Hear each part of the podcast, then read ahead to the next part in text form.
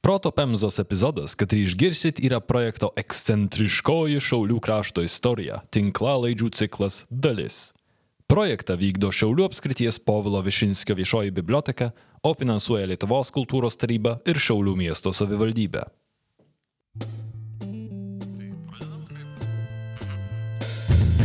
Kraujas, ugnis, brutalizacija, pasaulio paslaptys.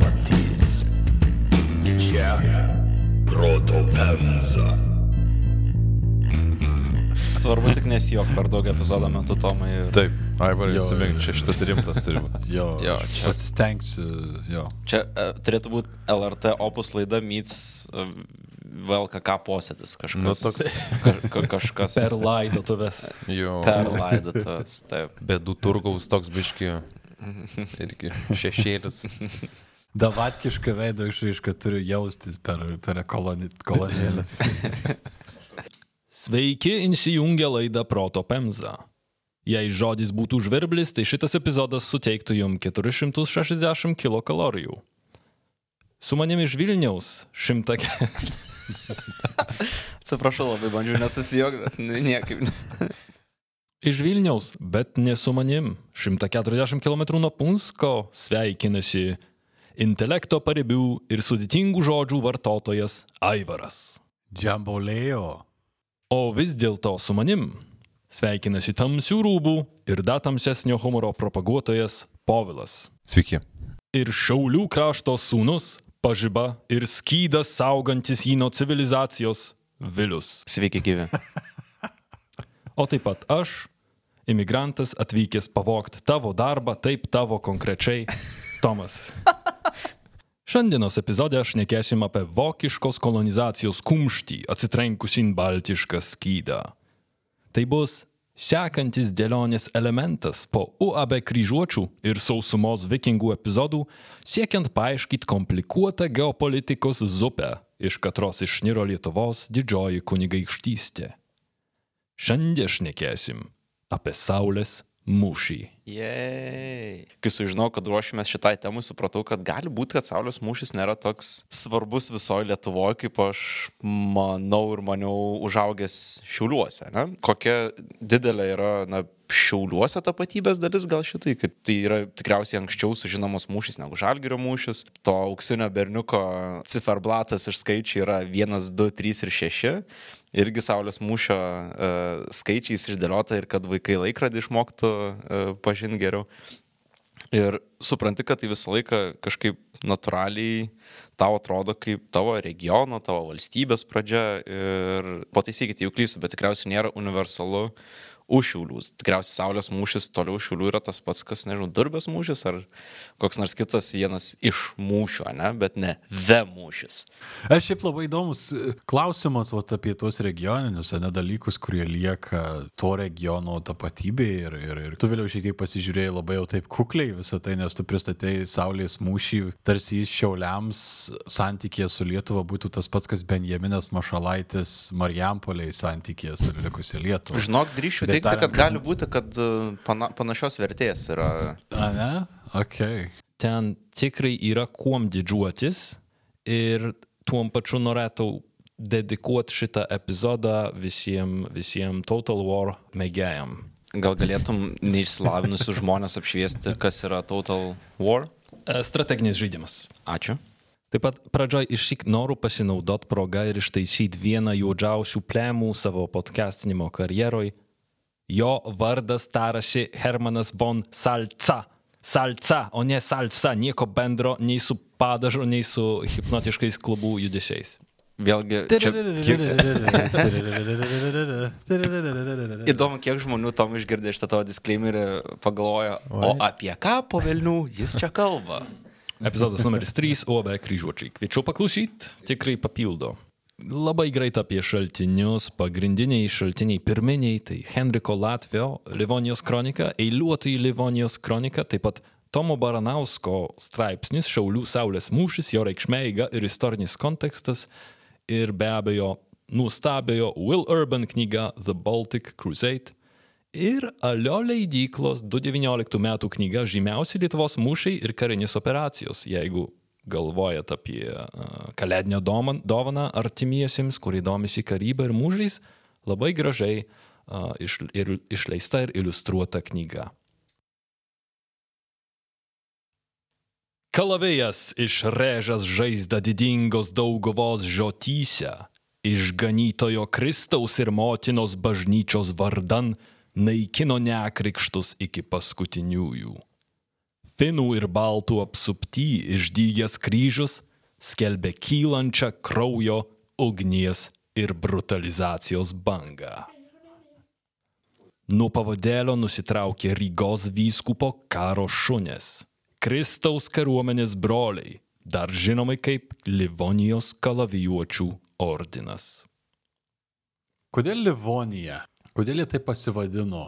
Livonijos pavadinimas yra nuo Lyvių tautos, kuri gyveno šiandieninės Latvijos teritorijoje. Jie buvo pirma auka kalavijuočių ir jie, panašiai kaip kryžiuočiai pavadino Prūsiją nuo Prūsų, taip ir Livonijos ordinas pavadino nuo Lyvių. Baltų užkariavimo pradžią žymi 1200-ieji, kai įtakingos Saksonijos giminės atžala Rygos įlankoj nusileido su 23 laivais ir pusantro tūkstančio vyrų siekiančią karauną. Baltų kristianizaciją inicijavo Rygos įkūrėjas ir vyskupas, politikas, karvedys ir diplomatas Albertas von Buxhoveden. Žinomas kaip Albertas. Tiesiog paprašiau, kad nereikėtų tos. Aš buvau užsigandęs, kad Būčiau pasimetęs jau visai. Taip kaip kryžiuočių sėkmė neįsivaizduojama be savo Lebrono, tai yra Hermano von Salcos, taip pat Šiaurės kryžiaus žygiai nebūtų įmanomi be Rygos vyskupo Alberto. Viduramžiais vyskupai turėjo daugiau įgaliojimų nei kalėdot sykį per metus ar rinkti aukas bažnyčios remontui. Viduramžiais vyskupai tai buvo militariniai bažnyčios pareigūnai, vadovaujantis kariuomenėm, administruojantis užkarautas žemės ir krikštientis kuo platesnius būsimų mokesčių mokėtojų būrus. Vyskupas Albertas laikomas ne tik kertiniu Latvijos istorijos herojum, al ir atraminiu kryžiaus žygio balkiu. Jis gudriai laviravo chaotiškoj Europos politikos jūroj, ieškodamas užtarimo pas popiežų ir pas jo priešus - Šventosios Romos imperijos dinastiją Hohenstaufenus, Danijos karalių Valdemarą II bei kalavijuočių ordiną, su katruom norom nenorom privalėjo dalytis kaiminystę bei pagonių žemės, taip kaip nemokamą tortą.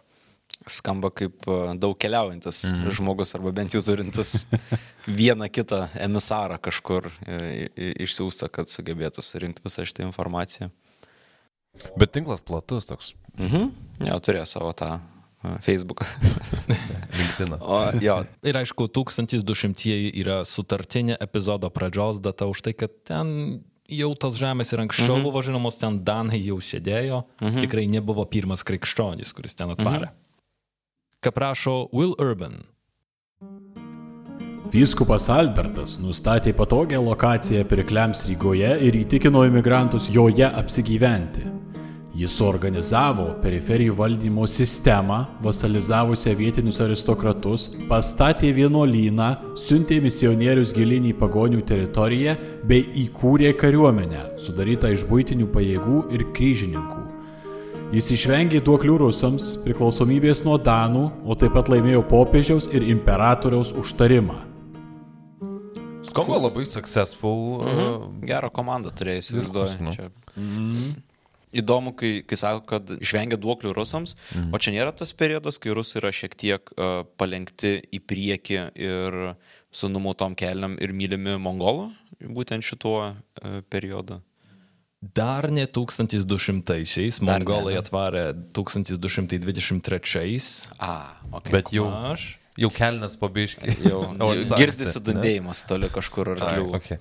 Čia turim labai stiprią Novgorodo valstybę, turim Polotsko valstybę, taip pat Lyda. Žodžiu, yra tie miestai valstybės mm. išbarstyti ir jie visai prašikuitė iš prekybos. O įdomu, kad e, Įkūrė kariuomenę sudarytą iš būtinių pajėgų. Tai čia vietinė fauna surinko savo reikmėm. Čia e, skirtumas yra e, tarp pajėgų, kurios saugo jo pilis, kurias jis gali savo šitaip turėti, ir tada yra kryžininkai, kurie yra pusiau nepriklausomi ir jie atvaro e, sezoniškai pakariauti prieš įgrobti. Iš, iš Vokietijos, ne, ne samdiniai, samdiniai Ai. tai dar trečia, trečias tipas. Ir kryžininkai tai nėra tas pats, kas ordinas, tai dar ki- kitas. Tai žodžiu, tų paramilitarinių organizacijų ar būdų kariauti yra daug daugiau negu šitais laikais. Mhm. Tai čia to, tuometinis oficinis darbas tikriausiai yra toks vienas iš pop... arba tu žemę ari, arba eini žudyti. Kaip kiekvienas giliau mąstantis entrepreneris, vieną brangiausių savo verslamonės elementų jis nusprendė outsourcing. Siekdamas nesezoniško, o pastovaus žemių užkaravimo, Albertas įkūrė riterių vienuolių ordiną kalavijuočius. Kalavijuočiai įsikūrė pagal tamplierų ordino taisyklės. Kiekvienas narys, tai yra brolis, duodavo skurdo, skaistybės, paklusnumo ir karavimo su bedieviais įžadus. Kiekvienam narui ordinas suteikdavo žirgą, šarvus, ginklus, rūbus bei ginklanežį. Ale kalavijuočiai buvo laikomi iki pat paskutinių savo dienų antrą eilių ordinų, dėl to, kad rekrutavo pagrindinai iš viduriniosios, tai vadinamos ministerialės klasės. Tai yra turtingų miestiečių ir pirklių, bet ne didikų. Bet vis tiek, kiek čia yra investicijų į nu, resursus visus, kiek ten jūs surinkote tų žmonių, nes čia yra daug arklių, daug šarvų, daug visko. Pačių brolių ordino nebuvo tiek daug, jų buvo, man atrodo, pačiu pačiu didžiausiu laikotarpiu gal iki 200 tik tai. Okay. Bet, bet kiekvienam broliui kalavijuočiui atitekdavo minimum 10, e, 10 ginklanešių, vadinamų seržantų ir palaikymo personalo. Tai panašiai taip kaip su kryžiuočiais, kryžiuotis pats tai jau yra pati pati viršūnė, elitas, mhm. kalavijuotis irgi elitas, bet uh, jų nėra tiek jau nedaug. Tuometinį Europos kontekstą aptariam senais ir gudžiais trečiojo proto Pemzos epizodo laikais, šnekėdami apie kryžiuočių ordiną. Dar iš virtuvės. Jo, jo, jo, jo, iš o. šiaurės miestelio studijos. Virtuviniai epizodai. Tai trumpą pastraipą skirčiu pakartojimui. Viduramžiais gyvavo daug galios centrų, valstybės savoka buvo daug paslankesnė, o feudalizmas suteikė lankstumo brežiant savo kontrolės ribas. Todėl Rygos vyskupas susikūrė savo vasalus - ordiną, kad jis duotų popiežiaus vietininkui net du trečdalius užkarautų žemių. Kitaip sakant, Albertas outsourcino šitą mhm. pareigą už tai, kad šitie buvo pigiau ir uh, tokie karai buvo daug geriau disciplinuoti. Ir viską, ką kalavijuočiai užkarauja, du trečdalius atiduoda Albertui, trečdalį pašlieka savo. E, Čia yra War as a Service, visiškai kaip ransomware gojas dabar e, veikia, kur e, pasie, duoda tau software, su kuriuo pulti ir iš tavo užpolimo gautų pajamų pasilieka savo trečdalį, visą kitą atiduoda tam polėjui vadinamam. Tai čia proporcija atvirkščia, mm -hmm. bet pats principas lygiai, lygiai tas pats. Tai kriminalinis gaujas per 800 metų lygiai taip pat gerai veikia. Ne, kokias senas principas. Jo. Ir, ir čia net ne jie išrado tikriausiai, čia dar ir anksčiau buvo. O pavyzdžiui, kryžiuočiai atvirkščiai. Vat kaip sakai, du trečdalius savo pasilikdavo, trečdalį ati- atiduodavo vyskupui. Tiesiog tokia sutartį, sakykime, suši, suširašė pradžioj. Man atrodo, du trečdaliai visai daug. Tai arba man turėtų tais kažkokiais kovos resursais duoti kažko, labai gerą arklį, labai gerų šarvų arba kažko, arba labai uh, gerai organizuotą kompaniją, su kuria man ne, nebus sunku, pavyzdžiui, užkariauti. Ne? Tai jeigu nebus sunku, tai taip, va, tada du trečdalius galiu atiduoti laisvai. Bet čia atrodo, ką aš už tai gaunu kaip kalavijuotis, kad aš Albertui turiu atiduoti du trečdalius. Teisė e- eiti plėšti į pagonių žemės, kas labai apsimokėjo iš, sakykime, eiti iš teritorijų, kur buvo Livonijos ordinas, kariauti į Lietuvos pusę ir į Baltų pusę labai apsimokėjo dėl to, kad nebuvo nekrikštyti žmonės, kas reiškia, kad tu gali paimti visą turtą ir pačius žmonės parduoti į vergyją, ko negalėjai daryti, jeigu puoli Lenkiją, nes jau katalikai, nebe, jo negali parduoti vergo ir rusus, jeigu puoli to paties negali daryti. Dėl to tikėtina, kad tu daug daugiau prisiplėši čia. Tai tas atidavimas dviejų trečdalių daug, bet kita vertus turi daugiau pasimti gali negu kitose žemėse. Tavo ekspedicija tampa legali. Čia yra ta legalumo kaina, du trečdaliai. Iš kitos pusės, jeigu pats esi atsakingas už tų dviejų trečdalių paskaičiavimą pagal savo sąžinę, Jo. a, viena kita taurė, vienas kitas aukso veršis galbūt nepapuola į tą kraitelę, kurią nunešė vyskupui. Plus klausimas, o kas braižė žemėlapius tais laikais?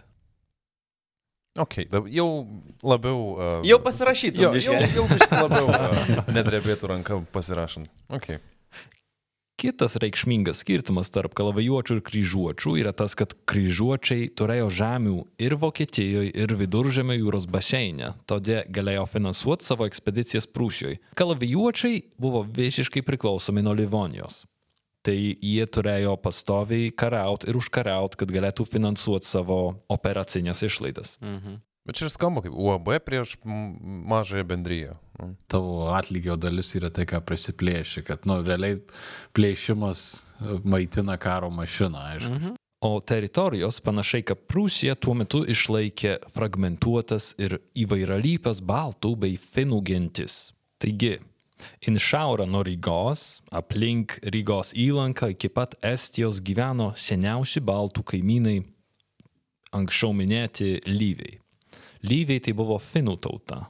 Tai net ne europiečių kalbų šeimai priklausanti tauta, In vakarus nuo Rygos, išilgai Baltijos pakrantės, ašimi šiaurė pietai, gyveno aršus ir grėsmingi kuršiai. In rytus, pietuose besiribodami su Dauguvos upe, gyveno šiuolaikinių Latvių protėviai Latgaliai.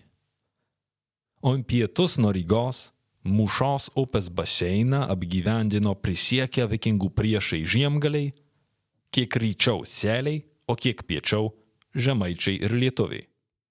Be abejo, šitos ribos yra sutartinės dėl to, kad minėtos žemės visą laiką keliavo iš rankų į rankas, o tautos, suskaldytos į ne visada draugiškas gentis, skirtingais šimtmečiais apgyvendino skirtingus plotus. Kryžiaus žygis Livonijoje, Estijoje, Kuršoje ir Žem Žemaitijoje rodėsi kaip brangi ir rizikinga investicija. Sausumos kelias dėl klampių apželusių tankumynų didelę metų dalį tūnojo neįveikiamas. O jūrų kelias, nors greitesnis ir patikimesnis, buvo valdomas arba piratų, arba danų, arba Danijos piratų. Sinonim. Kas reiškia, kad genocidas Livonijoje pasižymėjo aukštesnė kaina nei Prūsijoje. Bet turėkim omeny, kad ne visi vietiniai buvo priešiški, ne visi vietiniai buvo pagonys ir egzistavo tam tikra simbiozė ar, ar, ar savipagalba tarp tų skirtingų šalių. Tai yra tarp Rygos vokiečių, tarp Danų, netgi tie patys rusai, Novgorodo ar Polotsko įsiveldavo ant konfliktus. Tai Kaip suprantu, kalavijuočiam nelabai apsimokėjo, ne? Nu, apsimokėjo, e, tik kainavo brangiau nei kryžiuočiam. Nu ir buvo už juos biednesni. O biednesnė dėl to, kad kainavo brangiau, ar kainavo brangiau dėl to, kad buvo biednesnė? Taip. Sakė, kad jie save modeliavo pagal tamplierius, ne? O čia net tie patys žymus viduramžių bankininkai. Nu jo, bet e, Pala, pala, pala, pala, stop. tu pasakėjai raktažodį, tai turim progą natūraliai pereit prie... Luminor Black - viena kortelė viskam. Ir debetui, ir kreditui. Žiauriai natūraliai čia, žinokit, gavos. Tiesiog nacionalinis parkas, ant kiek natūralu. Tom iškirpsi tą dalį, jo? Maigalas, tegu žino, ant kiek pas mus e, viskas spontaniška. Pavlai, pasakyk pirmą dalyką, kuris tau ateina į galvą. Gal nemokamas pinigų išsigryninimas Luminor, medus ir bankomatas LT bankomatuose Lietuvoje iki 1200 eurų per mėnesį, o užsienyje iki 400. Turim tai rašinėjimo metu galvoju apie banką, ne? O, nu taip, o, tu, o jūs ne? ir apie draudimus aš, pavyzdžiui, pagalvoju kartais. Su Luminor Black galioja nemokamas kelionių draudimas tau ir tavo šeimai visame pasaulyje, net užsiimant sportu arba COVID. Ir pusę metų galiojantis draudimas pirkiniam. Natūraliai, visiškai niekieno neprašomas. Norėčiau paminėti ir VIP lounge'us ir priority pasus oro uostuose su Luminor Black tiek už 15 eurų per metus. Šitas pokalbis yra natūralus kaip benzinas su švinu. Tai uh, grįžtant prie temos ir atsakant į klausimą, kalavijuočiai buvo biednesni, tarp kitko dėl to, kad laiku nepasinaudodavo progom. Užsisakius Luminor Black iki 2022 pabaigos pirmi 3 mėnesiai nemokamai. Daugiau informacijos luminor.lt. Natūraliai ir visiškai niekieno neprašomas priminsiu luminor.lt. Fantastika. Kalvijuočiam vadovavo pamaldus Naumburgo didikas, didysis magistras Folkvinas. In vadovo kėdę jis pateko iš dalies netyčia. 1208 ordinas sukonfliktavo su Albertu dėl strateginių planų. Albertas norėjo kovos pietuose su lietuviais, su žiemgaliais, su žemaičiais, o viena įtakinga kalavijuočių frakcija norėjo plėstis į šiaurę ir kovoti su latgaliais. They didn't want any part of that shit. Turbūt latgaliai pasirodė lengvesnis grobis, bet Albertas žiūrėjo du žingsnius į priekį ir suprato, kad jeigu plėsis į šiaurę, tai labai greit pradės konfliktuoti su Danais. O Danai yra ne tik, kad krikščionys ir šiaip tai numylėtiniai to paties popiežiaus, bet dar ir absoliutus alfa šunės Baltijos jūroje. taip, taip. Ir tas konfliktas tarp Rygos vyskupo ir ordino, kurį įkūrė Rygos vyskupas pats savo, kulminavosi vieno kunigo ir kašteliono žmogžudystėm, kur vienas iš ordino narų užmušė su kirviu juos abu. Ir to pasiekoj ordino reputacija labai stipriai nukentėjo. Viso šito um, kerfuffle pasiekoj. Karofofelijos. Kerfofelijos. Kerfufelio. Kur faflio? Visi variantai geri. Didžiuoju magistru buvo išrinktas saikingu laikomas Folkvinas. Be to jis buvo aukšto gimimo, drasus, pamaldus ir turintis draugų aukštose vietose. Tai šičia tas antraeilis ordinas iš visų ordinų iškart norėjo savo pasikelt savo rangą. Na, žiūrėkit, mūsų vadas irgi elitas. Mhm. Kalavijuočiai greit susipažino ir su lietuviais.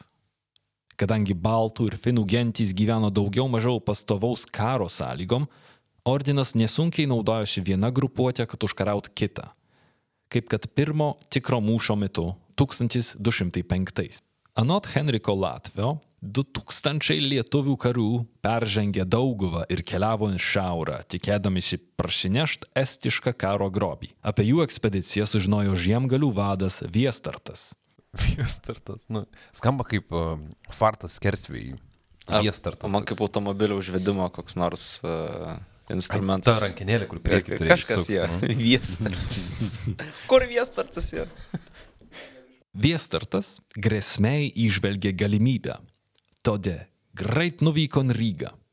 Tenai jis pristatė situaciją krikščionim ir perspėjo juos, kad lietuviai, sužinoję apie vokiečių miestą, anksčiau ar vėliau surenks plėšimą ir pas juos.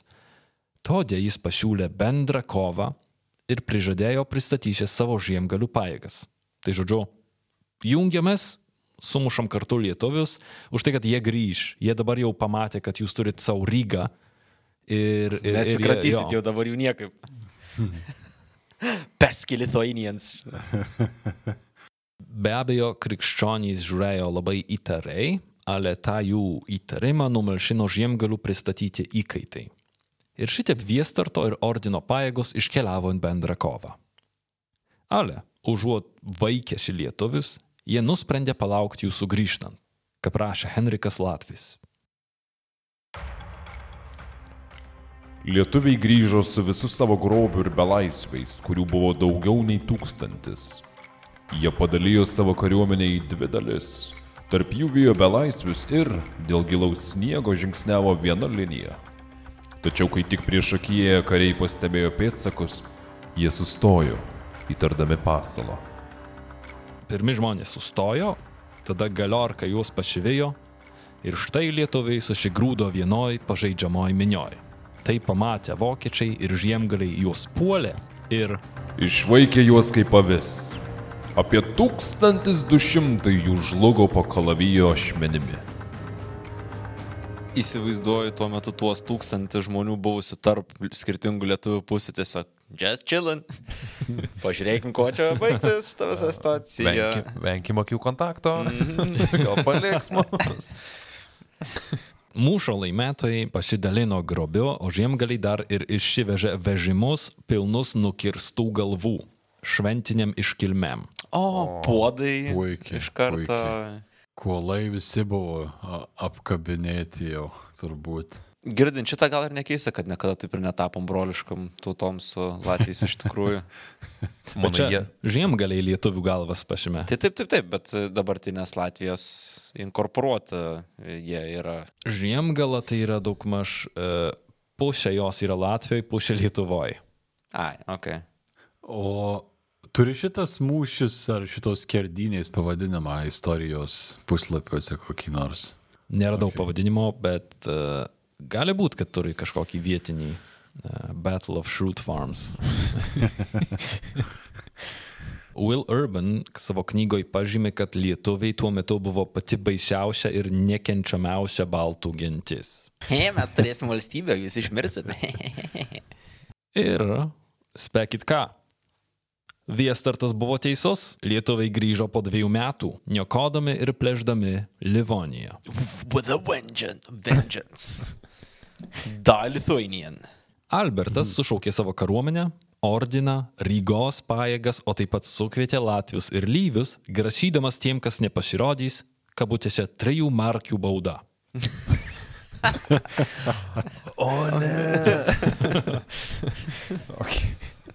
kiekvienam po tris. Kiekvienam Ar po ant tris, viso jo. būrio? Kiekvienam po tris. Krikščionys susirinko Lielvardės vietoviai, apie 50 km nuo Rygos, ir išsiuntė žvalgus, kad praneštų jiem apie grįžtančius lietuvius. Ir be abejo, lietuviai neužilgo pasirodė su vežimais pilnais grobio. Jie peržengė užšalusią dauguvą naktį, čia viskas vėl žiemą vyksta, ale užuot patraukę kuo greičiau namo, jie nusprendė susidoroti su priešu ten ir tada. Ką prašo Henrikas Latvis? Lietuvių vadas priejo prie forto su palyda ir pareikalavo sužinoti, kur slepiasi krikščionių kariauna. O tada jis pasakė. Eik ir praneš krikščionims, kurie prieš du metus pražudė mano kariuomenę tarsi miegančius, kad šį kartą tiek aš, tiek mano vyrai pabudę. Tai išgirdę krikščionys nuskubėjo į mūšį ir pasitiko priešą sauliai auštant. Lietuviai, būdami vikresni ir žiauresni už kitus pagonis, kovėsi ilgai ir drąsiai. Galų galiai jie pasitraukė. Bėgo iš mūšio lauko tiek pat vikriai, kiek dar prieš akimirką kovėsi. Tai dabar jau lietuviai biski geriau pasiruošę buvo. Bet stil gavo malkelių dar šiek tiek, ne? Nu jo, geriau nestot su jais į atvirą mūšį. Bet, e, bet gerai reputacija buvo tokia, neneiksiu, biški malonu skaityti, kad buvo Jo, jo. kaip vikresni ir žiauresni už kitus. Čia per tas Snyderio pastas apie Ukrainą labai dažnai užsimena e, apie Lietuvą, nes natūralu, kad neišvengiam ir būtent apie panašų laikotarpį, 13 amžiaus vidurį ir Vokietijos kronikas kalbėjo, kaip e, pagarbiai kryžiuočiai, tarkim, atsiliepia apie lietuvius iš tos pusės, kaip apie labai uh, sunku priešą ir labai sunkiai įveikiamą ir gudrų ir visokį kitokį, kas net iš priešo Jeigu jie skiria laiko užrašyti šitą, kažkiek tikriausiai mm. turėjo vargelio su, su mūsų protėviais. Ir tas užrašymas irgi yra, e, turėkit omeny lietuvius. Jo, jeigu susitiksit, tai geriau Jo. ne, nesi, nesimaišykit po, kojom. Su jais bus sunku.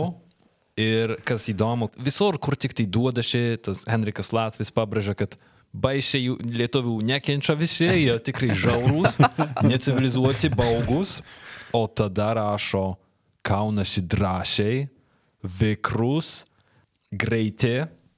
Ir įsiutę. Jo, It's a family. family. Ir šitam mūšį išaiškėjo vienas labai svarbus dalykas, kad gynybinė strategija pasitvirtino. Ir kalavijuočiai tada nusprendė, kad jie statys ir apgyvendys pilis išilgai antros ilgiausios Baltijos upės, išilgai dauguvos. Mhm. Ir galbūt e, primena tam tikras pilis iš ilgai Nemuno. Apstatė iš abiejų pusių mūsų, ne? Jo, vat lietuvių raidai kartais sėkmingi, o kartais nedarėsi vis normalesni, įprastesni kalavijuočiam. Ale kalavijuočiai, kad ir kiek sėkmingai viso labo gynėsi. Anot Will Urban, apie 1211-12, tai yra mm, 10 metų po įkūrimo, ordinas susivokė, kad žiemą karauti yra lengviau. Dešimt metų. Tai dešimt, dešimt labai prastų vasarų, Jo. kad atsisuktum biškai į kitą sezoną. Po, šia, po, po šeštos pralaimėtos vasaros. Kažką, kažką reikia daryti. Kažką turiu. Pripratę prie mažiau griežtų Saksonijos žiemų, jie tikėjosi purvo, staigaus atšilimo ir sveikatą niokojančių sąlygų. Ale Livonijos ir Estijos žiemos ilgos, sausos ir šaltos. Užšalus žemę, pelkės ir upės sukūrė žymiai palankesnės sąlygas kavalerijai ir išryškino tuo pačiu pagrindinį ordino pranašumą prieš pagonys. Maža to, sniege priešam buvo žymiai sunkiau pasislėpti nei tankioj vasaros augmenijoje. Galvau, pasakysi, kad jie turėjo daug geresnės rogės negu visi kiti. Mechanizuotas. Su, su tuo e, viestartu, kad tiesiog Prie kiekvienų rogių pastatytas. Pa. Ir tokį įsivaizduoju, taip, išstatytos dešimt uh, rogių ir kaip per uh, senovi, nu ne senovi, bet prieš tarkim šimtą metų, kai būdavo automobilių lenktynės, kur visi turi dar bėgti iš pat pradžių ir tik tai iššokti ir tada užsikurt mašiną ir visi į karą. Motorizuoti rogių batalionai. Iš čia ir ateina tas pavadinimas turbūt. Taip. Žieminiai raidai kartu su skaldymo ir valdymo strategija nešė rezultatus. Ir 1222 kalavijuočiai pasiekė didžiausią paviršaus plotą savo organizacijos istorijoje. Tai 20 metų po įkūrimo jau jie didžiuliai. Pykina, ne? Jau tuomet. Kaip rašo Will Urban, Magistras Falkinas su ordino broliai savo rankose laikė didžiulę teritoriją, šiaurėje besiribojančią su Danijos žemėmis, o pietuose, rytuose ir vakaruose su vyskupo Alberto arba Estijos vyskupo Bernardo valdomis. Jie kontroliavo Latgalių ir Estų gentis dėka pilių sistemos bei patarėjų ir kunigų tinklo. Jų estiškos valdos suteikė jiems dvigubai didesnės pajamas nei vyskupo, kad išlaikyti savo kariuomenę. Tad kalavijuočiai su viltimi žvelgia į šlovingą ateitį. Na, čia dalykai atrodo žiūrintys į viršų šiuo, šiuo metu. Mm -hmm. Bet kiek galėjo, tiek užėmė ir dabar tiesiog pečiais remiasi į... Uh, Jo, įdomu, kad uh, nužudė ten tuos du kunigus, nes norėjo eiti į šiaurę, bet kaip matom iš tos citatos vis tiek nuėjo į šiaurę. Jo, iki nuėjo į Danų šiaurę. žemės. ja, mes norime į šiaurę, neikit užmuša. Gal ir eisim. Vis, visiškai šitaip ir įsivaizdavau šitą pokalbį. Darysiu, ką norėsiu. jo, tu man neaiškink, nors šiaip geras patarimas. Bet vis tiek eisiu. Ordino nepriklausomybės užmojai rodėsi vis labiau realūs. Ale šlovinga ateitis taip tikrai buvo daug mažiau užtikryta. Baltai toli gražu nesusitaikė su okupacija, rusai žvelgin ordiną su pavydu, Albertas ir rygiečiai buvo nedraugiški, o saugumas priklausė nuo Danijos karaliaus Valdemoro II, kad jis pagailėjo pajėgų savo garnizonam Estijoje. Tai viena yra iškaraut, o kita išlaikyti. Jo, visai kitas žaidimas. Prasideda, kai tampi čempionu, ne tikrosios kovos, kaip sakant, bet kalivijuočių čia, kaip suprantu, nepriklausomybės klausimas buvo keliamas, taip? Mhm. Mhm. Tai čia reiškia, kad buvo konfliktas su Albertu, nepriklausomybė nuo Alberto jau būtų. Taip, nuo Alberto ir nuo popiežiaus. Ir nuo popiežių. Ok. Buvo tam tikras susitarimas irgi priklausomai nuo laikotarpio, už tai, kad aš čia labai labai supaprastinau viską, kur tam tikros žemės automatiškai pereidavo, pavyzdžiui, popiežiaus rankas. Nu, tiesiog Taip, taip, užkarauji ir, ir jam nieko daryti nereikia. Bet kokia buvo viso to idėja? Aš suprantu atsiskyrimą nuo Alberto, nes jisai per daug e, daro parunką ir nurodinėja, o nuo popiežiaus, tai jie, ta prasme, jie rizikavo savotišką ekskomunikaciją dėl to, kad gautų daugiau žemę, ar jie turėjo kažkokį tai savo, nežinau, religijos teoretiką, kuris jiems šitą dalyką ištaisė, neteko domėtis. Savo popiežių. Nu, čia jau einam į tokią komplikuotos politinės sit- situacijos teritorija, už tai, kad jo yra popiežius, bet yra ir antras galingiausias, kartais pirmas galingiausias politikas, tai yra imperatorius, mhm. Šventosios Romos imperijos Taip. imperatorius, kuris savo irgi užtarimą galėdavo duoti. Čia grinai, pavyzdžiui, kryžiuočių situacija buvo. Kartais, kartais su popiežom draugai, kartais su imperatorium, priklausomai nuo to, kas duoda pinigų, kas duoda kariuomenės, kas duoda daugiau privilegijų. A, Įdomu, okay. ar nors kiek galėjo iš to likti žaisti tai, kad pats regionas, Baltijos šalių dabartinių teritorijos vis dar buvo Bizantijos ranka pasiekiamas, tai ar galėjo irgi ordinui šviestis kažkokių uh, minčių, kad, uh, na, yra trečiasis kelias, vadinamas, kurį labai legalu pasirinkti šitoj uh, Europos uh, pusiai. Čia jau šnekam apie iš esmės civilizacinę kryptį. Ar tu ateini kaip vakarų civilizacijos atstovas su vakarų karybos praktikom, su vakarų Jo. alfabetu, su Biblija, ar kaip stačiatikių, rytų arba Bizantijos civilizacijos atstovas iš kitos pusės, ką darė slavai, pavyzdžiui, labai sėkmingai. Ką, ką noriu tikriausiai pasakyti, kad būnant Austrijos teritorijų tuo metu turėti nors kokią nepriklausomybę nuo popiežius buvo beveik neįmanoma, ta prasme, nes tu esi apsuptas tik tai vienos pakraipos žmonių, o būnant rytuose šita lygtis netokia jau, e, su, nes tokio tik tai aiškio atsakymo gal. Bet jo, čia Jo, mes nieko nepamiršom. ką tokio. Kaž, kažkokio tokio uh, meta interpo apie, nežinau, šitą dialogą. Mm, pašnekėti apie šnekėjimą, ne? Nu, nu, taip, kad klausytojai suprastų, kas dabar bus. Man atrodo, Pavloviškai klausytojai jau seniai susigaudė. Jo, nėra reikalo tempt. Tele2 laisvas internetas yra plačiausiai veikiantis 4G internetas Lietuvoje. Dabar įkišu dialogo eilutę, kad Aivaras galėtų atsidust. O aš užduodu klausimą, kad palaikyt pokalbį. Aivarai, kuo šis internetas ypatingas? Nėra jokių papildomų mokesčių ir labai paprastai dėkti. Veiks visur, kur yra elektros lizdas. Pakanka upės, vėjo, malūno ar žiūrkėno. Variniais rytais šiek tiek klaidų, pajungiam routerį pagal instrukciją ir vuolia. Kambarys pilnas saldaus saldaus interneto. Dabar e, pasakau porą žodžių, ba jau seniai nešnekėjau. O aš užduodu sekantį klausimą, nes klausytojai jau priprato, kad tokia mano funkcija šitame dialoge. Aivarai, o yra kažkokių akcijų? Ačiū, kad paklausėjai. Kaip tik galioja šventiniai pasiūlymai. Tele2 planai prasideda nuo vos 4,90 eurų per mėnesį, o be to nuolaidos modemams, televizoriams, kompiuteriams ir kitai įrangai. Daugiau informacijos tele2.lt/laisvas. tele2.lt slash laisvas. tele2.lt įstrižas brūkšnys laisvas? Ne, tele2.lt/laisvas. Kalvijuočių ordino žlugimą atnešė tiek kraujo kvapą išjautusių žiemgalių žemaičių ir lietuvių negailestingumas mūšio laukia, kiek nepasverti vienuolių sprendimai politiniai scenoj.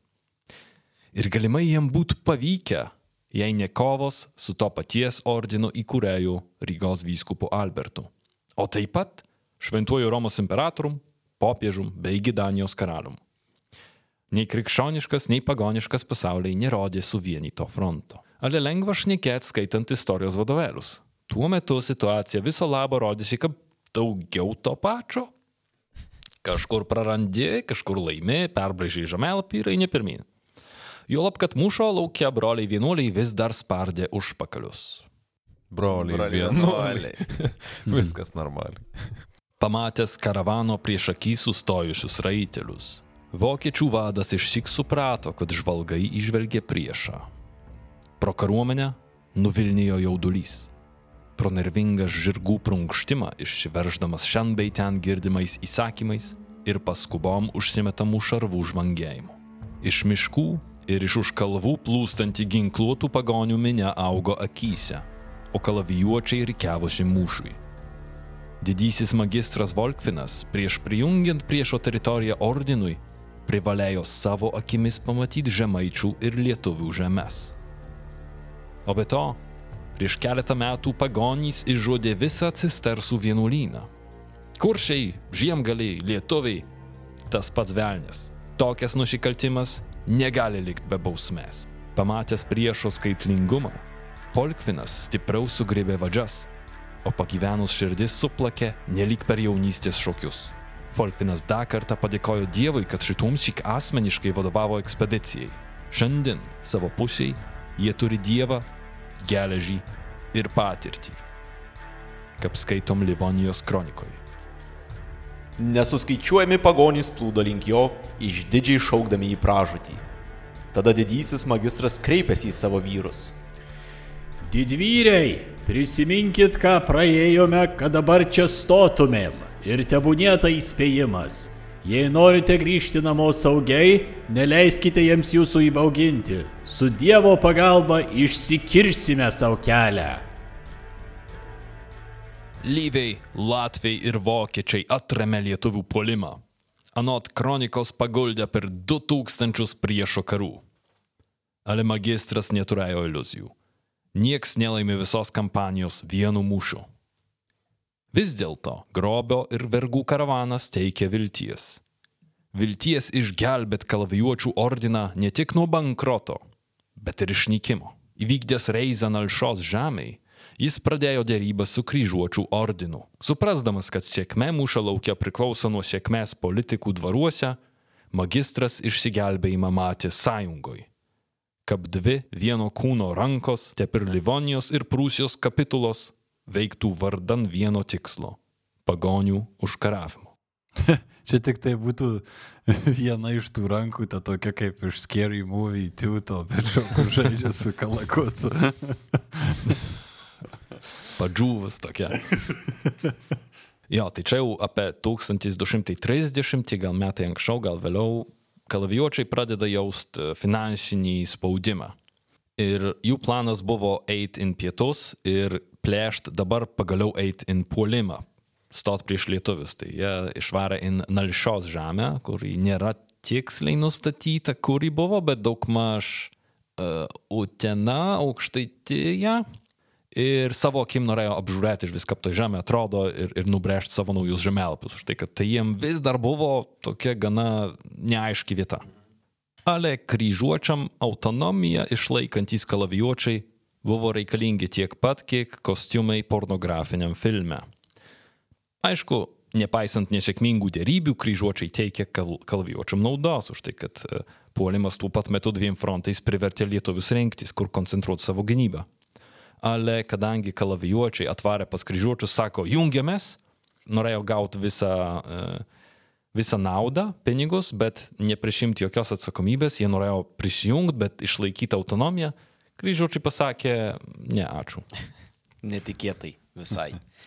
Tai 1228-30 metais ordinas sėkmingai prisijungė savo Estiją, sumušė kunigaikščio Viestarto vadovaujamus žiemgalius, tai jau dabar Viestartas nėra draugas, o netgi palaužė baugiai pagarsėjusius kuršus, priversdamas juos mokėti duoklę, jie vasalizavo kuršus.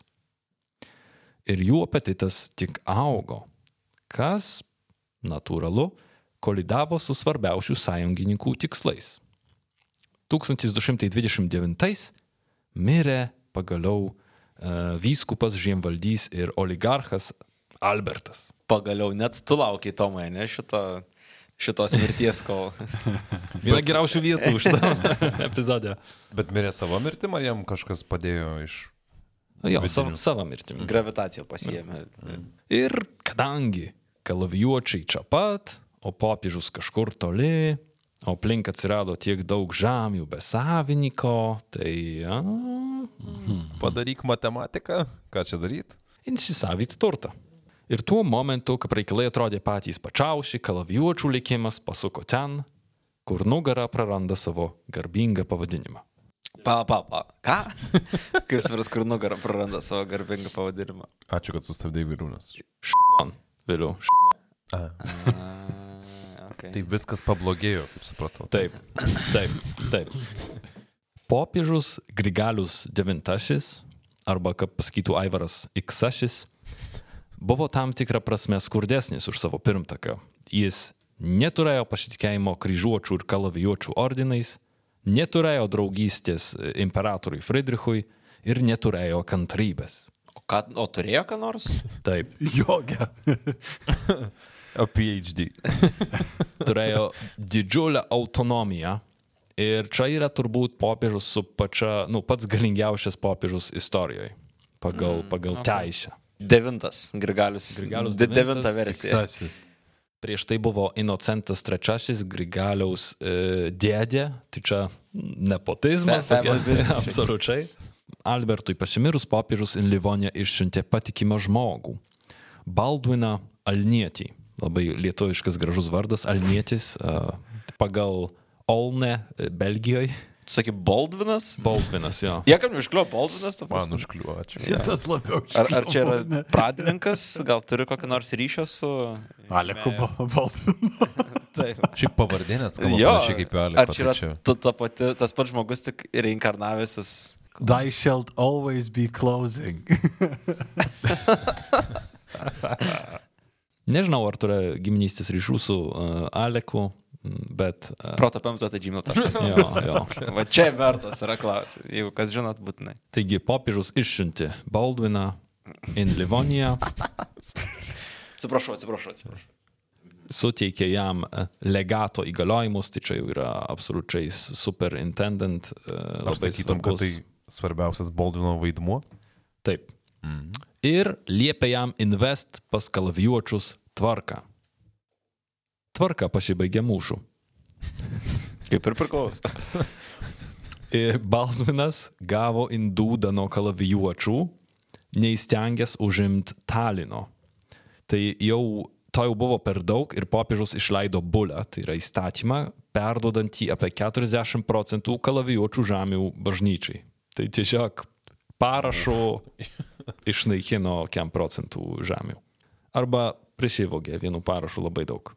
Be to, kalavijuočių padėtį sunkino vidiniai nesutarimai Vokietijos žemėse. Nušilpus e, imperatoriaus Friedricho II valdžia sutrikdė teritorijos stabilumą. Didikai stojo karan vieni prieš kitus, viskame dalyvavo tuometinis Baltijos e, jūros valdovas, tai yra Valdemaras II, Danijos karalius, o tai reiškia, kad kranukas su kolonistais ir naujais rekrūtais Livonijoje užsisukė. Tuščių išdo dėžų ir apleistų garnizonų šmeklą persekiojo didįjį magistrą Folkviną.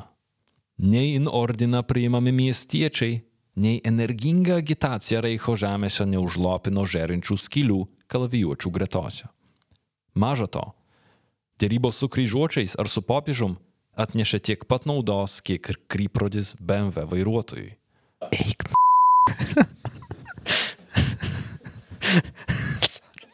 Aritmetika paprasta. Samdiniam reikėjo pajamų, o pajamam reikėjo žemių. Tad kalavijuočių ordinas prieš save turėjo Hobsono pasirinkimą. Tai yra pasirinkimą, katram galimas tik vienas variantas. Estija ant popieriaus priklausanti jiem buvo per didelė, kad ją apgintų su esamais pajėgumais. Plėtra ant žemyninę šiaurę šiaurės rytus užmintų ant pado Pskovui ir Novgorodui, o ant rytus Polotskui. Stačiatikiai, jo, ale vis dėlto krikščionys. Su centralizuota valdžia ir stipra kariuomenė, kad vokiečiai neretai samdė savo kariniam ekspedicijom. Taigi, Folkvinas turėjo tik vieną galimą kryptį - pietus. Su nekrikštais žemaičiais, žiemgaliais ir lietuviais. Sveiks atvykęs, bičiuks. Nu, atai, kad tai. Galandas jau dantis. Jo, jo. Aš įsivaizduoju, kai stovi e, atsisukęs į šiaurę ir pasižiūri truputį taip vakariau, ne, šiauriau, ne, į rytus, nu irgi ne, ir tada turi atsisukti. O už tavęs jau laukia, Jo, tokia jo. lūpos laižasi. Eik, dėdė, čia. Aparūkyt gal turi? Nebijok, nebijok, ateik. Ateik. Pasirinkimas toli gražu nesirodė desperatiškas, bet lietuviai buvo gerai žinomi tiek vokiečiam, tiek vietiniam gentim. Ir nesunku įsivaizduoti, kad kolonizatoriai matė juos kaip demonus, o krikščionių kareiviai kaip blogio įsikūnymą, keliantį pavojų aukštesniai civilizacijai. Kaip rašė Henrikas Latvis. Lietuvos valdžia siekia valdyti visas šituose kraštuose gyvenančias gentis, tiek krikščionių, tiek pagonių. Ir retas, kas drįsdavo gyventi savo sodyboje, labiausiai nedrįso Latviai. Lietuviai persekiojo juos miškuose, vienus užmušinėjo, kitus ėmė į nelaisvę, vedė juos į savo žemę ir ėmė iš jų viską kaip savo. Ir bėgo rusienai miškais ir kaimais nuo lietuvių, net nuo nedaugelio, kaip bėga kiškiai nuo medžiotojų. O lyviai ir latviai klusniai tarnavo lietuviams, davė maistą ir pašarą, kaip avis, be ganytojo patekusios į vilkų gaują. Lietuva! Lietuva! Muzika širdžiai visiškai. O nėra, kad mus, pavyzdžiui, kokiai Anglijai vis dar ir įsivaizduoja taip. Tokie O, mes. pa, o, Nu, o negali kaltinti. Ar nėra, kad mes esam tokie? Protapams tai Gmail. Čia norėtų pastebėti tą paskutinį sakinį, kad avys be ganytojo patekusios į vilkų gaują. Už tai, kad matot, tie vietiniai pagonys, jiemgi reikia ganytojo, jie tai yra avinų banda. Patys kurių- niekaip jau neišsi. Ideologinę kryptį sustiprino popiežius, suinteresuotas bažnyčios įtakos plėtra ir pajamom. 1236 vasaro 19 Grigalius IX pagaliau paskelbė kryžiaus žygį prieš lietuvius ir kitus baltus. Oh shit, here we go again. Tokiu būdu jis e, norėjo duoti tam tikrą paguodos prizą kalavijuočiam už tą aneksaciją. Ale šita paslauga buvo labiau tokia e, meškos. Meškina. Meškova. Meškova, jo. Ir tada po popiežiaus skelbimo į Livoniją pradėjo plūst kryžininkai, rekrūtai ir nuotykių ieškotojai. O Folkvinas liko be kitų opcijų. Beliko šokt pagal minios dainą.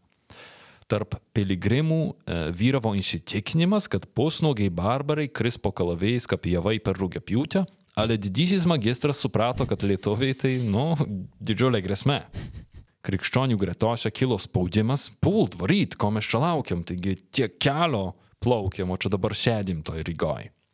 Ypač, kad atplaukia vis daugiau, o šiaip tai kuo mažiau valgančių, tuo torto gabalukas didesnis. Ale Folkvinas stengiasi kažkaip jau tramdyti ir e, suprasdamas, kad iki žiemos jie neišsėdės nuo vasaro, kampanijos pradžią nustatė vėlyvai vasarai, ankstyvam rudeniui. Bet čia daug laiko. Nuo vasaro iki rudens. Taip. Nu, pusę metų. Kol suplauks žmonės, kol surinksi pajėgas. O apie kiek žmonių mes kalbam? Karui ordinas išstatė apie 55 raitus brolius su 550 palydovų. Anot Willerben tai buvo netgi šimtas tų riterių. Be to jie pašėmė dar 200 samdinių apmokėtų iš Pskovo, pusantro tūkstančio Latvių, Lyvių, Estų, Čia fa faršas tikriausiai. jo, jo. Pirminis personalas. ir 600, gal netgi 1200, gal netgi pusantro tūkstančio iš, iš vakarų atvykusių kryžininkų. Tai O, o, iš tų kryžininkų atvarė daug su skirtinga ginkluotė, bet čia jau turėjo būti gana gerai e, susi, susiorganizavę žmonės, o Folkvinas turėjo bent jau išlygyti tą skaičių, kad galėtų išlaikyti kontrolę. Tai mes kalbam apie 3-4 tūkstančių žmonių? Taip, 3-4, kai kurių istorikų manimų netgi 8 tūkstančius vyrų.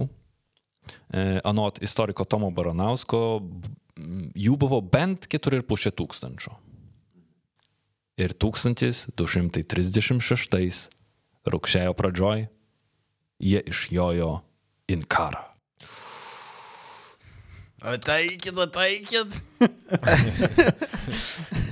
O lietuviai tuo metu nieko nedarė, dažnai laukia tiesiog, kad būsim savimi. Ša, šašla, šašla kepa varto, žinai. Sa Latvijos sodybai, kur išvaryti. Latvijas jiem kepa šaštą. O, atsiprašau, vėl čia kepta gaidinti. Spitraustina. Krikščionims tai buvo plėšikavimo žygis. Jie nesiekė užimti jokios pilies ar kitų strateginių taškų. Pradžioj svarbiausia buvo nusilpnyti priešą, pagrobent įmanomai kuo daugiau turto ir vergų. Tad Krauna iškeliavo į Šaulių pilį, Salduvės piliakalnį, iš kur patraukė būreis į skirtingas pušes kraujo ugnies ir brutalizacijos tikslais. O ten pat susirinkę su grobiu jau kartu vienu dideliu būru traukt atgal in Rygą, in Rygą. Tak, Išvaizduoju savo dabar, kad ne vienas klausytojas dabaigė šitą. O sakinį. aš, pažiūrėjau, nežinau, kaip dabaigti. Į kokį fabriką? Saldainių, jo. Lietuviai tuo metu galimai jau po Mindaugo vėliavą žinojo apie artėjantį konfliktą. Šviežų pajėgų ir nuotykių ieškotojų pripampus Rygą negalėjo nuslėpti nei artėjančios kampanijos, nei jos krypties. Kadangi tiksli puolimo vieta nebuvo žinoma, lietuvių gynybinė strategija numatė du planus - ginti nevežo arba ginti Dubysos aukštupių regionus. Jeigu kalavijuočiai pultų labiau į rytus, pagrindinis krūvis tektų Mindaugo pajėgom, katras paremtų žemaičių raitiniai. Jeigu puolimas vyktų labiau į vakarus, pagrindinė gynybos našta tektų žemaičiam vadovaujamiem vykinto. Vykinto, kas tas vykintas? Visų pirma, mes tiksliai nežinom, kas vadovavo lietuvių žemaičių žiemgalių pajėgom, o vykintas tai yra tik viena iš teorijų, kurią remia, pavyzdžiui, Novgorodo kronika. Dėl to, kad Novgorodo kronikoje yra paminėta, kad vykintas daug vėliau turėjo kažkaip tai susitaikyti ir kartu kariauti su, uh, su vokiečiais. Ir vokiečiai labai nenorėjo vykinto už tai, kad jis buvo paklojęs ne vieną vokietį anksčiau. O tai kas buvo vykintas galiausiai? Vokiečių klojėjas buvo jis. Paprasčiausiai sakant, jis buvo Mindaugo žmogus. Už tai, kad uh, Mindaugo brolis, Dausprungas, mhm. apsižanijo su Vykinto seserim. Nu tai tokias švogeris, švogero švogeris. Gali spręs, kiek sekės Lietuvos kunigaikščiui pagal tai, kiek dabar žmonių jo vardu pavadintų yra. Tai vykintų yra, mm. Mindaugo yra daug sprungų, nežinau, nežinau. Ir, ir Mindaugui čia 30 keli. Ar mes visi turėtume Cezarą ašaromis, e, turėtume, ne? Ką, me, ką mes nuveikėme? Ale mes nežinom šiaip, ar Mindaugas iš tikrųjų valdė. Už tai, kad gal jis buvo dar tokias, nu, šeščikas, neapši, ne, neapželęs. O iš tikrųjų galbūt vadovavo lietuviams Rimgaudas, kuris galbūt buvo Mindaugo tėvas. Čia tokia jau miglota genealogija. Nėra, nėra aiškių šaltinių, nėra rašytinių šaltinių ir čia yra spėlionės. Bet kuriuo atveju žinom, kad e, lietuviams to- toj rytiniai pusėje Nalšioj vadovavo Nalšos kunigaikštis. Tas, kas valdė vat Nalšą, tas valdė lietuvius. Kas yra Nalšia? Tai čia toj aukštytėje Utenos. Utenos jo, Kokios regionas. jo. 1236. Rugsėjo 21. Didysis magistras Folkvinas suraukė antakius, matydamas grobių apkrautus vežimų ratus, stringančius dregnoj klampyniai. Karavanas judėjo sraigės tempais, visą dieną žygiuojant per pelkes ir šilynus. Už nugarį palikę saugius Šiaulių pilies šlaitus, kariai traukė atgal į krikščionių valdomą Livoniją. Tačiau svajonės apie šiltą vakarienę ir liūliuojančius Rygos krantus išgaravo prieš akį pasirodžius pirmiems pagonėms. Kalavijuočiai ėjo nuo Šiaulių pilies, tai jie buvo jau uh, apsi... Jau su grobiu. Tai jie buvo, a, ok, nes aš visą laiką maniau, kad jie ėjo iš šiaurės į pietus. Ne. Ir ten Jie susi- atvarė daugmaž į Šiaulius ir ten buvo jų susirinkimo taškas. Jie neėjo visą tą 4,5 tūkstančio grupuotę. Jie mhm. pasidalino ant burus, kas kur nori ten plėšą, už X dienų susirinkam mhm. čia ir grįžtam kartu atgal. Mhm. Ir daugmaž dienos atstumu nuo Šiaulių, man atrodo, šiandien tai yra Janiūnų kaimas, juos užklupo priešas. Mhm. Folkvinas įsakė trauktis, ale priešas spėjo atkirsti jiem kelią. Kalavijuočiai pateko į spastus. Iš vienos pusės mūšos krantai, iš kitos tautinių upė, iš trečios pelkė. Senasis karys išsyk suprato, kad jiems liko tik viena išeitis - puolimas. Kalavijuočių magistras įsakė nedelsiant pradėti ataką, užsiimant vis dar laisvą netoliese ošiantį šilą kaip skaitom eiliuotoj Livonijos kronikoje. Stokim į kovą, nedelskim. Nuo to priklauso visa mūsų garbė. Jei nukausim ten esančius priešo vadus, galėsime grįžti namo netrukdomi. Ale kryžininkai atsakė. O, mes nenorim čia kovoti. Jei prasim savo žirgus, turėsim kovoti peščiamis. Vadinasi, verčiau prarasite savo galvas ir savo žirgus? Polkvino nurodyta vieta, nors sausesnė, tankumynų trukdytų kovot raiteliams. O riteriai net tam investavo bizantiškas sumas į savo žirgus, kad jų nenaudot. Raistas, kad ir klampus, jiem pasirodė palankesnis kavalerijos šaržoms. Kažkodėl įsivaizduoju, kad jų žirgai su girlandom visokiam buvo. Aš tai tikrai nejausiu pro spigliuočių mišką. Ką tik nuplovau. Todėl sąjungininkai priemė sprendimą kovot upės slenyje. Galimybių langas užsidarė. Sprendimo laiku neprieimus kariuomenė galėjo tik bejėgiškai stebėti, kaip priešo gretos tvinsta it pavasario upė. Ale tą dieną kraujas dar nepratvyško. Karius užklupo vakaras, tad kryžnikai įkūrė stovyklą ir, susakę maldas, miegot šią naktį atgulė su šarvais. Visi suprato, kad rytoj jų laukia mūšis. Aš tai jau maniau, kad čia visi užsimojo ir kausis, bet dar įkūrė Lietuvių tiek laiko ėjo, kad sutemo tiesiog. Taip išėjo. Kaip rašo istorikas Tomas Baranauskas. Skirtinga kryžininkų ir kalavijočių laikysena rodo, kad užpolikų kariuomenė nakvojo pasidalinusi skirtingose stovyklose, o visą laiką tvyrojusi įtampa tarp kryžininkų vadovybės ir magistro Polkvino trukdė jiems efektyviau koordinuoti veiksmus. Labai geras bruožas prie, prieš bet kokį mūšį, kai tos pačios pajėgos, tų pačių pajėgų atstovai yra susipykę tarpusavį. O lietuviai tolumoje tiesiog tos karštos merginos ir šaltas alaus. Jo Mindaugo statyto Utenos salų, žinai, iš Latvijų kepa šašlų stovyklai. Polkvinas staiga pašoko iš bluosto. Neramų miegą nutraukė stovyklavietę įsivyravęs triukšmas.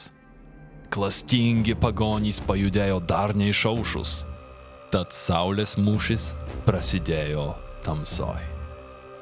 Lietuviai ir žemaičiai puolė krikščionys ir kova greit tapo skerdynėmis. Riteriai prarado žirgus ir buvo priversti kovot peščiomis. Tada iš mūšio lauko pabėgo lyvių, latvių ir estų daliniai. Kryžininkai net laikė aukštaičių spaudimo. Panikos apimti, jie bėgo iš mūšio lauko, tačiau baltai, numatę tokią įvykių eigą, paskui juos paleido žiemgalius, kad jie bėgančius, kabutėse, kuo žiauriausiai negailėdami nukovė. Kaip šunis kokius, žinai. Tai palauk, Atkabinkit lemcūgus nuo žiemgalių. palatai žiemgaliai jau dabar buvo lietuvių pusėje. Jo, Ok, kaip, kaip labai uh, kontrastavo. ir Dinamiška. Keitėsi jo visi alijansai tokioj mažoj teritorijoje. Gal rodo, kiek ir nebuvo to didelio prisirišimo prie kažkokio draugo ar priešo, tokie pat savo realiai, ne? turint omeny, kad lietuvių strategija remiasi dviem fundamentais ir greita pagalba, baltai veikiausiai irgi turėjo žirgų. Kitap sakant, tai buvo kavalerijų mūšis. Tikėtina, kad būtent lengvoji kavalerija lemė baisinius kryžininkų nuostolius. Iš mūšio lauko jie bėgo peščia, tuo tarpu persekiotojai žiemgaliai buvo raiti. Folkvinas su broliais kalavijuočiais galėjo tik sulėtyti katastrofą. Nors apsupti, jie vis dar kėlė pavojų mūšio laukia. Kaip rašo eiliuotoji Livonijos kronika. Tik magistras dar ir broliai grūmėsi, kol žirgai negyvi krito, dar jie gynėsi ir pėsti. Betgi buvo nugalėti, į šalį kiek atstumę, mūšios pustyje lietuviai, medžiais pagaliau užmušo. Wow. Lasdom uždaužiai tiesiog galiausiai. M mediniam kuokom. O, oh, man. Gerėja įvaizdis. Ne pats smagiausias. Oi ne. Tai va, bet šiaip mes draugiška tauta. Jo. Kad ir ką sako 800 metų istorijos. Fuck around, find out. Čia toks uh, užėjo ne į tą kiemą šiek tiek. Pagiriotų lietuvių geriau nekabint. Skauda galva ir tev. Nu, Šiaip įdomu, ar ne, kad jiem net nereikia tos geležies, nereikia daryti durtinės žaizdos, jeigu tu sulaužai priešo kaulus. Tai... jo, ką jis tau Nu, po to. jo. Neatsišaudys dar tais laikais. Tai. Sunku kalavyje sulaužytą ranką kelti. Verkia kalavijuotės kuokos daužomas. Irgi. Trumpos ašaros kalavijuočio, kuoka nutrenkto. Ironija. Pa. Būtent iš tos pačios eiliuotos Livonijos kronikos yra kilus be ne garsiausia Saulės mūšį apibrėžianti frazė, kad kryžnikus išmušė kabutėse kaip bobas. Oh, that's low. Disino net Jo, kronikos. patys vakariečiai šitą apie savo pralaimėtą mūšį Wow. parašė. Krauju patvinusi mūša žymėjo pergalingą baltų kovą. Ta diena Anapilin iškeliavo 2000 krikščionių sielų. Anot Novgorodo kronikų, namo grįžo tik kas dešimtas. Galvas paklojo ir 60, tai yra pusė visų kalavijuočių, kartu su didžiuoju magistru Volkvinu. Sočiausia auka - Saulės Dievui. Bam. Nice. Tai galėtum sakyti, kad lietuviai deformavo kalavijuočio ordiną. Šiek tiek Ne, tiesioginė to žodžio prasme, labiausiai. de decimavo. Taip išėjai. Per pa pusę. Aha, bet čia toks inverted decimacija yra, kur 9 ir 10. Oi, sumaišo proporciją kažkaip mes ne, nenorėjom nieko. Šiaip labai didelis dalykas, kai pagalvoju, kad pusę ordino mes vienetais, sakant, nėra, nu, 60 neskamba daug, ne, bet turint omeny, kiekvienas iš jų neša su savimi dar kažkokią tai e, apčiuopiamą ir tikriausiai svarbę ekipuotės dalį, finansavimo šaltinis, tolimesnis. Funkcija čia buvo Taip. vadovybė. Taip, taip, taip, taip, tai sunku uh, overstatinti šito, šito dalyko prasme. Aš visų pirma nedaug žinojau apie Saulės mūšį, buvau kažką skaitęs anksčiau, bet, bet taip detaliai tai nebuvau, tai ačiū už tai ir man tai atrodo, kad tas mūšis nėra kažkoks tai bereikšmis, galbūt jisai liko ar ne kažkoks tai labiau regioninis, daug kur istorijos raštuose ir panašiai, bet nu vien tai, kad per visą Europą su- sugebėjom pastatyti lietuvio vardą ir įvaizdį, Čia kai jaunimo rinktinė laimė pasaulio čempionatą ir visi džiaugiasi, ne, tai čia kažkas tokio. Prieš Lietuvai tampa iš tikrųjų ta tokia LDK, ne, iš didžiųjų raidžių. Ačiū, cool. Apie Saulės mūšį tikriausiai daugelis esam bent jau pavadinimą girdėję, bet nelabai gal suvokia priežastis, kodėl tai, tai įvyko ir kaip, kaip rutuliojas.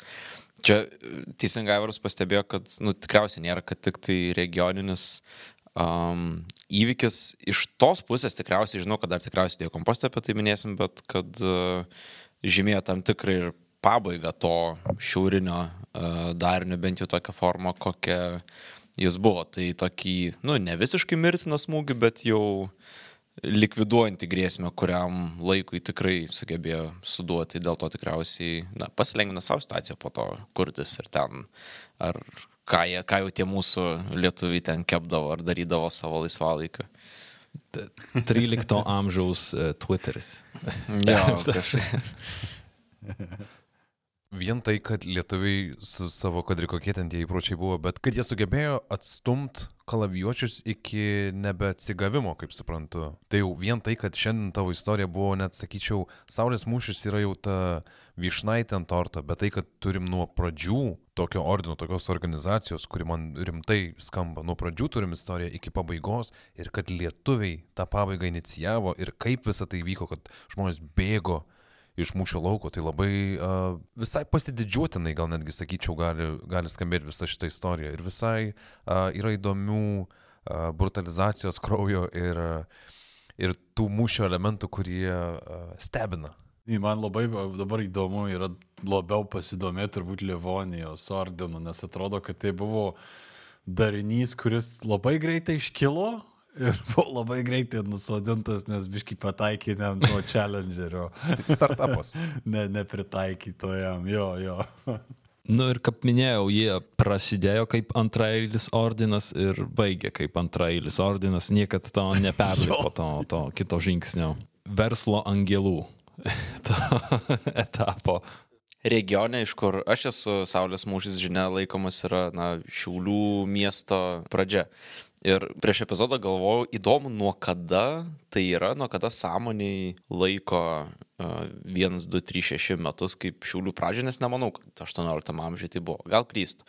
Tai čia jums klausytai uh, klausimas, jeigu uh, kažką apie tai girdėt, parašykit mums į, į e-mailą, nes greitas Google searchas ne, nesuteikia man informacijos apie šitą. Tai padėkit Viliui sužinoti jo istoriją. Jo, būčiau labai dėkingas. Tai ačiū Jums. Ačiū tau. Ačiū, ačiū už epizodą, ačiū, ačiū Šaulių bibliotekai, ačiū Šaulių miestui, kad e, prasidėjęs nuo tokio agresyvaus epizodo jis išlaikė savo agresyvų pavadinimą ir uh, savo kovingus, agresyvus žmonės. ne, tikrai, šauliai, šauliai, viskas gerai, Regbio labai sostinė. cool. To švelniausio. Nu, tai kuokos ir liko, tik dabar jos labiau uh, na, nušvaksuotos gražiai, bagažinėse dabar dažniausiai. Ne? Ne čia Kauno, man atrodo, šitas yra. Čia jau jums išsiaiškinti su Kaunu. Aišku, juokauju, šauliai yra šaunus, e, kaip ir žodis šaunys, šaul, šaunus, nuo žodžio šauti. Ačiū, Tomai. agresija. Ačiū Tomui tau. Visi šiuliečiai dabar galės ramiau mėgoti. Jo. Ir e, taip pat kviečiam į mūsų visas socialinių medijų paskyras, į mūsų Contribui, kur yra jo, jo, papildomo turinio. Ateikit kartais pas manim profilį, darau per traukelių, bet vis dėlto stengiuosi pranešti žmonėm, ką aš neka Lenkija. Linkiu suspėt laiku kalėdoms, kad ir kur bebūtume. O, Ačiū tau. ačiū. Iki. Iki. Viso geriausio. Viso. Ir kaip visada, tariame didžiausią ačiū dosniausiems savo rėmėjams. Įmon Zymon, Juliui, Albinai, Urtai, Ernestai, Jėvai, Doviliai, Augustai, Sandrai, Ingai, Simui, Gabijai, Karoliai, Aušrai, Ryteniai, Jurgitai, Giedriui, Erbreideriui, Aušriniai, Agnietai, Gretkai, Ugniai, Antai, Mariui, Gabrieliai, Nerijui, Linsei, Giedriui, Egliai, Robertai, Gerdai, Ernestai, Viktorijai, Monikai, Gabrieliai, Kestučiui, Eugenijui, Astai, Semui, Mantui, Mindaugui, Denui, Simonai, Rimantui, Rūtai, Andriui, Vaidui, Persivaliui, Mildeliai, Linai, Brigitai, Ilonai, Arnoldui, Marijai, Čiupuokliui, Nastiušai, Arvidui, Gretai, Sauliui, Arūnui, Edvinui, Indrei, Dianai, Rokui, Akviliai, Rasai, Gretai, Melitai, Ufonautui, Žygimantui, Jolitai, Vygai, Gretai, Erikai, Rūtai, Tomai, Antanui, Gabrieliui, Rolandui, Tadui, Rokui, Aurimui, Justinui, Domantui, Aurimui, Jovitai, Dainiui, Eirimiai, Betonburniai Vagonetai, Ainui, Dominykui, Mikui, Artūrui, Evelinai, Mantvidui, Kūgiui Mūgiui, Justui, Simui, Laurai, Gediminui, Gintariai, Dominykui, Dominikai, Simui, Gabrieliai, Egliai, Justinui, Kunigundai, Evelinai, Auritai, Šarūnui, Jurijai, Džoniui, Linai, Stepanui, Justinai, Akviliai, Justinai, Arminui, Lauritai, Meškiui, Mariui, Gabrieliai, Marijui, Martinui, Žygimantui, Jonui, Justai, Edvardui, Mykolui, Editai, Arūnui, Kamiliai, Lukui, Sauliui, Benui, Dominykui, Rasai, Aušrai, Darislavui, Tadzikučiui, Astai, Tomui, Gretai, Remigijui, Povilui, Egliai, Audrai, Ingridai, tavo tėvui, Mikipūrui, Vladislavui, Doviliai, Andreliui, Simui, Mildai, Mariui, Domukui, Dariui, Doviliai, Mildai, Vaidui, Barškalui, Gretai, Akučkaitai, Bitskai, Agniai, Jorindai, Rasai, Simui, Povilui, Tomui, Egliai, Mariui, Julijai, Mantui, Robertui, Mindaugui, Pijui, Pauliui, Vytautui, Deimantai, Mantui, Dėdei Tomui, Alvitai, Emantui, Viliui, Skirmantai, Monikai, Aušriniai, Kristinai, Artūrui, Ungurių valdovui, Arnai, Arnui, Aidai, Medeinai, Egliai, Skanartui, Ritai, Gintai, Doviliai, Imantai, Mantui, Inesai, Gaudentui, Agniai, Mykolui, Dianai, Dariui, Vaidui, Linai, Akviliai, Raimondui, Pisimantui. Jevai, Inai, Lukui, Aiščiui, Gailiai, Mirandai, Monikai, Justin G, Jevai, Dariui, Rūtai, Video Punk, Dievui Agurkui, Laimonui, Petrui, Liudui, Rimai, Redai, Pauliui, Kristinai, Raimondui, Povilui, Solveigai, Kristei, Vytautui, Justui, Almontui, Migliai, Indrei, Karolinai, Audriui, Kamiliai, Robertui, Marijui, Robertui, Vaidotui, Tomui, Geruliai, Irmantui, Aretui, Silvijai, Agniai, Ingridai, Jovitai, Gretai, Elijui, Martynui, Simonui, Kiriau, Kestui, Artūrai, Daliai, Editai, Irmantui, Gustei, Linai, Aistei, Arnui. O taip pat Vilitai, Rimantei, Rasai, Deimai, Donatui, Gabrieliai, Ramintai, Rekui, Neringai, Danui, Kornelijui, Ignui, Aušriniai, Doviliai, Simonui, Remrem, Rimai, Vikai, Antropikui, Lukui, Reinoldui, Jėvai, Renatai, Viliui, Matui, Gretai, Artūrui, Evaldui, Jorkiai 88, Mr. Mindaugas J, Astai, Eimantui, Astai, Ugniai, Barborai, Rokiukus, Audriniai, Paulinai, Jurkštui, Rūtai, Rokui, Juditai, Tėvo Vamzdžiui, Evelinai, Renatai, Daugelienai, Dariui, Viliui, Ikniukui, Ernestui, Dariui, Juliui, Kristinai, Ilonai, Gerdai, Pauliui, Egliai, Justinai ir Patrikui, o taip pat Žygimantui, Ingridai, Andriui, Kristinai, Mindaugui, Lagaminui, Agnainiui, Indrei, Arminui, Michael Scottui, Pauliui, Viktorijai, Aistei, Sandrai, Austėjai, Vytautui, Reptilijui, Prezidentui, Viktorui, Gvidonešiui, Agniai, Jėvai, Šliaužytai, Žaka Mama, Sandrai, Gabrieliui, Karoliui, Medžiui, Margaritai, Giedrai, Džiugui, Donatui, Karoliui, Edvinui, Sastin, Ponui, Joriui, Elvinui, Zabirkai, Editai, Šarūnai, Deimantei, Čarliai, Švardansko, Gvidui, Karolinai, Martinai, Justai, Pripūstai, Kalviai, Samantai, Giedriui, Medai, Monikai, Domantui ir Pauliui. Ačiū jums visiems labai.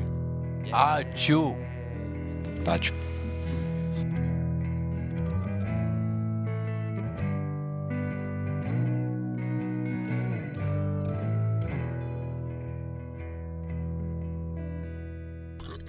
stop, stop.